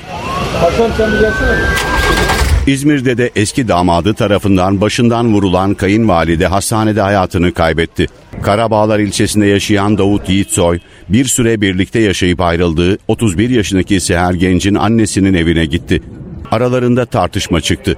Kadınlara ateş eden zanlı olay yerinden kaçtı. Silah seslerini duyanlar polise ve sağlık ekiplerine haber verdi. Başından vurulan 62 yaşındaki Aysel Genç'in hayatını kaybettiği belirlendi. Kadının kızı ise ağır yaralı olarak hastaneye kaldırıldı. Olay yerinden kaçan zanlı polise teslim oldu. İstanbul'da hafta sonu yağmur yağdı ama bu ihtiyacın çok çok altında. Uzmanların öngörüsüne göre mega kentin 100 günlük suyu kaldı. Peki İstanbul'daki İstanbul önümüzdeki günleri yağış açısından nasıl geçirecek? Barajları dolduracak yağış gelecek mi? NTV Meteoroloji Editörü Dilek Çalışkan'a sorduk. Mart ayında yağışlı sistemler daha sık gelmeye başladı. Ee, yağış bakımından ortalamaları yakalayacağız gibi gözüküyor. Ama en çok güney bölgelerimiz yağış alıyor. Akdeniz, Antalya, Adana, Güneydoğu Anadolu bölgesi ve Ege bölgesi alıyor. Evet İstanbul ve Karadeniz bölgesine de zaman zaman yağmur görülecek. Mart'ın sonuna kadar İstanbul'da en fazla daha 4-5 gün yağış ihtimali var. Sıcaklıklar da gün gün değişiklik gösteriyor. Bazen Rodos'a dönüyor rüzgar. O nedenle sıcaklık birden artıyor. Sonra e, Poyraz'a dönünce hızlı bir şekilde düşüş gösteriyor. Bu Mart boyunca soğuk algınlığı tehlikesi de oldukça yüksek. Önümüzdeki aylara baktığımızda Nisan ve Mayıs'ta yağışların ortalamalar civarında olacağı gözüküyor. Uzun dönem tahminler bu yönde. Haziran ve Temmuz'da önceki yıllarda olduğu gibi kuvvetli yaz yağmurları oluşabilir. İstanbul'da e, kuraklık ortadan kalkar mı? En çok bu soruluyor. Şimdi İstanbul'da çok düzenli bir yağış olması lazım. Yani 20-25 gün e, düzenli olarak yağmur yağması gerekiyor ki en azından barajların doluluk oranı %50'leri geçsin. E, ama Mart ayında oldukça sınırlı kalacak yine yağış miktarı. Öyle kuraklık çok kolay ortadan kalkan bir durum değildir. E, çünkü kış boyunca çok az yağış aldık. %70'lerin altındaydı aldığımız yağış miktarları. Sonbaharda da aynı şekilde. Yazın olan yağmurlar da evet çok şiddetli oluyor ama çok hızlı bir şekilde akıp gittiği için o yağışları biz toplayamıyoruz, tutamıyoruz. O nedenle ya, yazın olan yağışlar hani çok umut vermiyor. Evet tabii ki katkısı oluyor. Ama İstanbul'da şu anda e, kuraklığı ortadan kaldıracak e, bir yağış durumu yok Mart için. E, Nisan'da da ortalamalar civarında olacak gibi gözüküyor. İki ayrı görüş var. Bu yazı biraz daha İstanbul rahat geçirebilir eğer yağışlar yine az da olsa bu seviyede devam etse bile bu yaz İstanbul kuraklığı çok ciddi ölçüde yaşamaz diyenler var. Ama bir sonraki sene için endişelenenler var ama bazıları da diyor ki hayır böyle devam ederse biz bu yazda çok ciddi bir kuraklık yaşayacağız diyor. Hangi tarafa daha çok güvenmeliyiz ya da hangisi daha doğru sizce?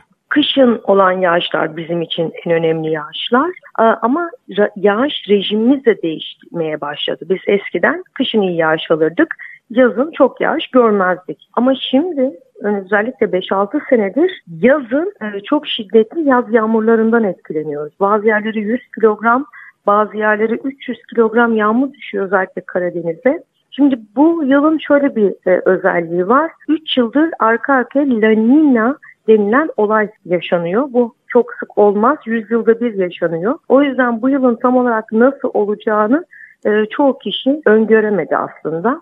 Bu yılda biraz sürpriz bir yıl. Dediğim gibi İstanbul'da 20 gün, 25 gün yağış almamız gerekiyor. O yağışlar da gün boyu süren iyi yağışlar olması gerekiyor. İşte o zaman %50'ye, 55'e, 60'a çıkabilir barajların doluluk oranı. %60 e, da yazı geçirmemizi sağlar. Fena bir e, oran değil %60'lar. Ancak e, tabii bunun Eylül ve Ekim'de de önümüzdeki yılın nasıl geçeceği çok önemli. Yağış yılı ne zaman başlıyor? Ekim'de başlıyor. Şimdi Ekim'de başlayan yağış yılı biz Ekim'e bakarız o yıl nasıl olacak diye. Önümüzdeki yıl bol yağış alacaksak e tabii e, çok da korkulacak bir durum yok diyebiliriz ama önümüzdeki yıl e, iyi yağış almayacaksak o zaman çok büyük risk var demektir İstanbul için. %50'ler civarı yazı geçirmemizi sağlıyor. Yani çok kurak olmaz ama şu anda %35'lerde e, Mart sonunda hani tekrar bakmamız lazım Nisan yağışların nasıl olacağına. NTV Radyo Ve bu bölümün son haberi 95. Oscar ödülleri. Çin'den Amerika'ya göç eden bir ailenin tuhaf hikayesini anlatan Everything Everywhere All at Once, Her Şey Her Yerde Aynı Anda adlı film, en iyi film dahil 7 ödülle geceye damga vururken, başrol oyuncularından Michelle Yeoh en iyi kadın, Ke Huy Kwan en iyi yardımcı erkek, Jamie Lee Curtis en iyi yardımcı kadın oyuncu ödülünü aldı. En iyi yönetmen ödülü de bu filme gitti. En iyi erkek oyuncu ödülünü The Whale'daki performansıyla Brandon Fraser, en iyi uluslararası film ödülünü Batı cephesinde yeni bir şey yok aldı. Komedyen Jimmy Kimmel'ın sunduğu törende iddialı yapımlardan The Banshees of Inisherin'le The Fableman's'a geceden eli boş ayrıldı. Oscar ödüllerini NTV Kültür Sanat ekibinden Ceren Ala ile konuştuk.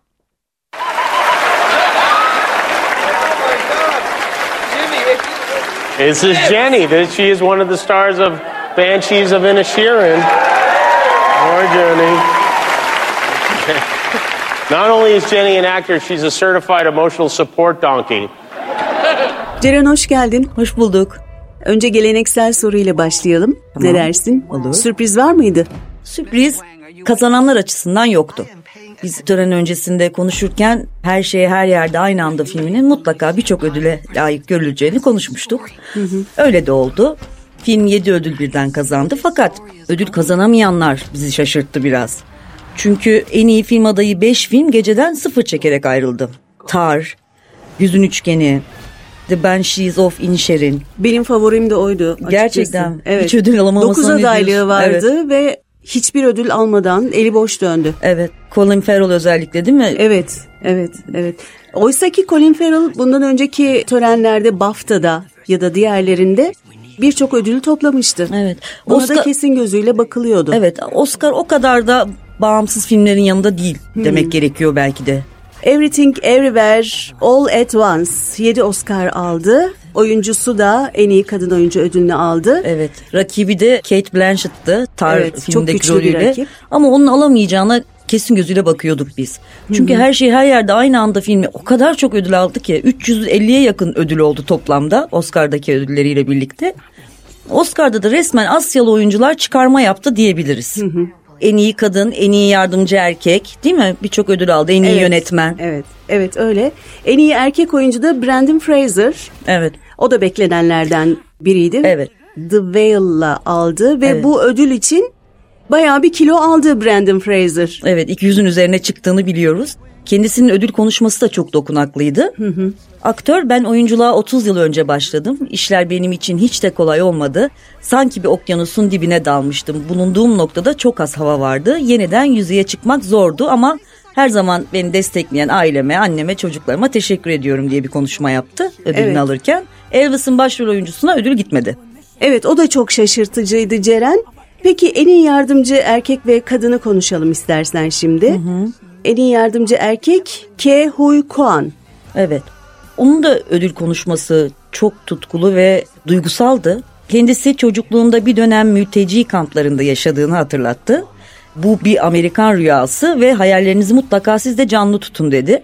Bir de aktörle ilgili tabii bugün bütün basının manşetinde de kendisinin 1984'te Indiana Jones'ta Harrison Ford'la birlikte rol evet. aldığı Kamçılı Adam filminden bahsedildi. Çocuk oyuncuydu evet. Evet izleyenler hatırlar. Oradaki hı hı. rolü de çok efsaneydi. Aslında o yaşlarda Steven Spielberg Harrison Ford ve George Lucas'la bir araya gelmiş bir aktör o. Yıllar evet. sonra da Oscar'da böyle bir ödüle layık görüldü ve çok mutlu kendisi. Evet, evet. Jamie Lee Curtis için ne söyleyeceksin? O da ilk ödülünü aldı, ilk Oscar'ını aldı. Evet. Aslında çok büyük oyuncu. Özellikle her şey her yerde aynı anda filminde mutlaka izlemeyenlere tavsiye ediyorum. Çok sıra dışı bir karakteri var. Fiziki değişimi de çok tatlı. Çok sıra dışı bir e, rolde görüyoruz kendisini. Onun da ilk Oscar olması dolayısıyla tabii ki tarihi bir önem taşıyor. Evet.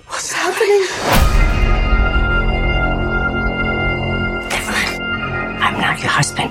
I'm another version of him from another universe. I'm here because we need your help. Bir başka çok sevilen film Ceren Batı cephesinde yeni bir şey yoktu. O da en iyi uluslararası film ödülünü aldı. Hı hı. Çok iyi bir savaş filmi olduğu söyleniyor. Hı hı. İzleyen herkesin beğendiği bir film. En iyi film, en iyi yönetmen gibi kategorilerde de aday olmuştu ama bu ödüle layık görüldü. Olsun ödülsüz ayrılmaması da önemli. Evet. En iyi belgesel de çok konuşuldu. Hı hı. Öyle değil mi Navalny? Rusya'da Putin'e karşı giderek daha çok güçlenen bir muhalif politikacının başına gelenleri anlatan bir yapım bu da. Akıcı bir belgesel. İzlemeyenlere bunu da izlemelerini öneriyoruz. Over there! What is that?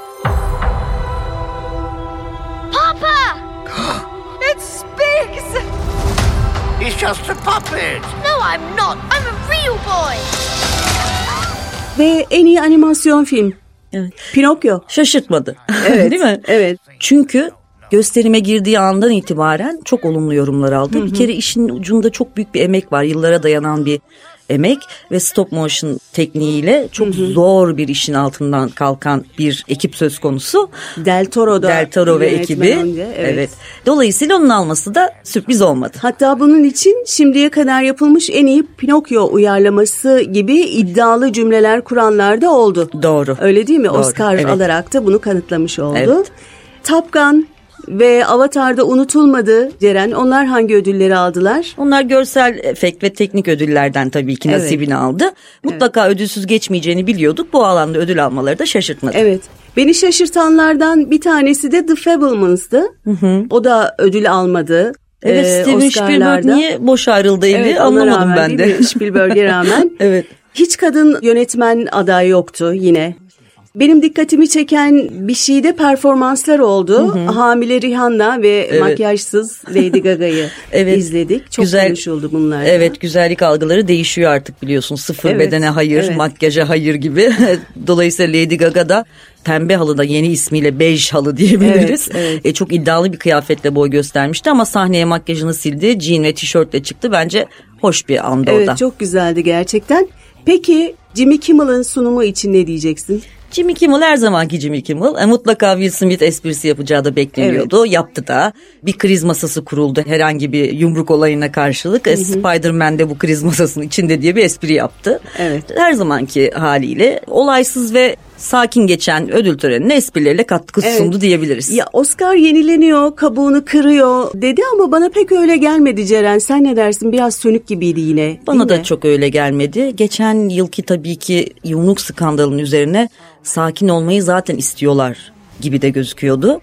Ama onun yanı sıra cinsiyet ve ırksal çeşitliliğe artık başlıyoruz. Daha da ilerici ve pozitif olacağız söylemlerine çok da uymuş gibi gözükmüyor. Çünkü tabii ki Asyalı oyuncuların çıkarmasına Hı hı, tanık hı olduk diyoruz ama siyahi oyunculardan ve kadın yönetmenlerden yine bahsedemiyoruz. Dolayısıyla bence çok da sınıfı geçmiş sayılmaz akademi heyeti. Evet daha çok tartışılacak belli ki. Tabii ki. Evet bir Oscar daha geldi geçti. Çok teşekkür ediyoruz Ben Ceren. teşekkür ediyorum. Görüşmek üzere. To this moment.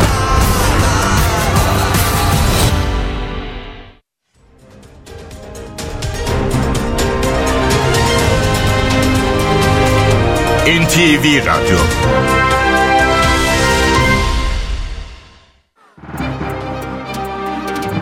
Borsa İstanbul 100 endeksi 5323 puanda. Serbest piyasada dolar 18.97'den, euro 20.34'ten işlem görüyor. Euro dolar paritesi 1.07.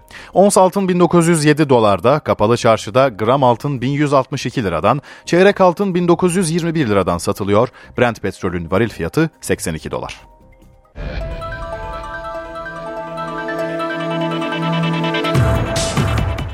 Spor Toto Süper Lig'de 25. hafta karşılaşmaları oynanıyor. Haftanın panoramasına bakalım. Galatasaray 14 maç üst üste kazandı ve lig rekorunu kırdı. Zirvedeki yerini koruyan Sarı Kırmızılıların en yakın takipçisi Fenerbahçe haftayı bay geçti. Haftanın merakla beklenen Başakşehir-Beşiktaş düellosunun kazananı siyah beyazlılar oldu. Beşiktaş bu sonuçla puanını 46'ya yükseltti. Abdullah Avcı'nın ayrılığının ardından ilk kez sahaya çıkan Trabzonspor haftayı kayıpsız geçti. Bordo Mavililer Adana Demirspor'u 4-1 ile geçmeyi başardı. Süper Lig'in 25. haftası bu akşam saat 20'de oynanacak İstanbulspor Sivas Spor karşılaşmasıyla sona erecek. Bilardo'da Türkiye milli takımı başarılarına bir yenisini ekledi. Milli takımlar Dünya 3 band bilardo şampiyonası Almanya'nın ev sahipliğinde yapıldı. Kadrosunda Semih Saygıner ve Tayfun Taşdemir'in yer aldığı milli takım finalde İsveç'le karşılaştı. Semih Saygıner maçını 40-29 kazandı. Tayfun Taşdemir de rakibini aynı skorla mağlup etti. Böylece Türkiye üst üste 3. toplamda 7. kez dünya şampiyonu oldu. Milliler tarihi başarı sonrası büyük sevinç yaşadı. Juventus'ta Paul Pogba'nın yakası şanssızlıklardan kurtulmuyor. Fransız yıldız futbolcu bir kez daha sakatlandı. Pogba bu sezon üst üste yaşadığı sakatlıklar nedeniyle yalnızca 35 dakika sahada kalabildi. 29 yaşındaki futbolcu Dünya Kupası'nda da görev yapamadı. Sahalara dönmek için antrenmanlarını sürdüren Fransız futbolcu bu kez serbest vuruş, vuruş çalışmasında sakatlandı. Pogba'nın sağ uyluk kasında gerilme tespit edildi. Fransız yıldızın tedavisinin en az 20 gün sürmesi bekleniyor. NBA'de New York Knicks Los Angeles Lakers karşısında yıldızlarıyla galibiyete uzandı. Batı konferansında play-in vizesi peşindeki Oklahoma City Thunder yükselişini San Antonio Spurs karşısında da sürdürdü. NBA'de dün gecenin sonuçlarına ve öne çıkan performanslarına bakalım. NBA'de New York 3 maçlık galibiyet özlemine Los Angeles Lakers karşısında son verdi. 112-108 biten maçta skor yükünü R.J. Barrett ve Julius Randle sırtladı. Randall 33 sayı üretirken Barrett 30 sayıyla katkı verdi. Los Angeles Lakers'ta sakatlığı süren LeBron James bu maçta da forma giyemedi. D'Angelo Russell 33 sayı attı. Anthony Davis 17 sayı 16 reboundla oynadı. Gecenin bir diğer maçında Oklahoma City San Antonio'yu 102-90 yendi ve son 6 maçta 5. kez galip geldi. Play'in vizesi peşindeki Oklahoma City'de Jalen Williams 21 sayı attı. Osmane Dieng ve Josh Giddy 17'şer sayıyla oynadı. Gillis Alexander sakatlığı nedeniyle süre alamadı. San Antonio'da Zach Collins 23 sayı ve 11 reboundla kariyerinde 9. kez double-double yaptı. NBA'de alınan diğer sonuçlar şöyle. Charlotte 108, Cleveland 114, Philadelphia 112, Washington 93 ve New Orleans 127, Portland 110. Havalı tabanca milli takımımız Avrupa şampiyonu oldu. Estonya'nın Tallinn şehrinde düzenlenen Havalı Silahlar Avrupa Atıcılık Şampiyonası'nda Yusuf Dikeç, İsmail Keleş ve Buğra Selimzade'den oluşan takım 10 metre havalı tabanca finalinde Almanya'ya 16-14 yenerek altın madalya kazandı. Aynı şampiyonada Yusuf Dikeç ve Şevval İlayda Tarhan'dan oluşan 10 metre karışık takımımızsa bronz madalya elde etti. Plak atışları da Katar'da yapıldı. Ülkemizi temsil eden milli sporcu Oğuzhan Tüzün finaldeki karşılaşmada topladığı 33 puanla altın madalyaya ulaştı. Aynı müsabakada yarışan milli sporcu Nedim Tolga Tunçer ise 119 puanla 28. sırada organizasyonu tamamladı.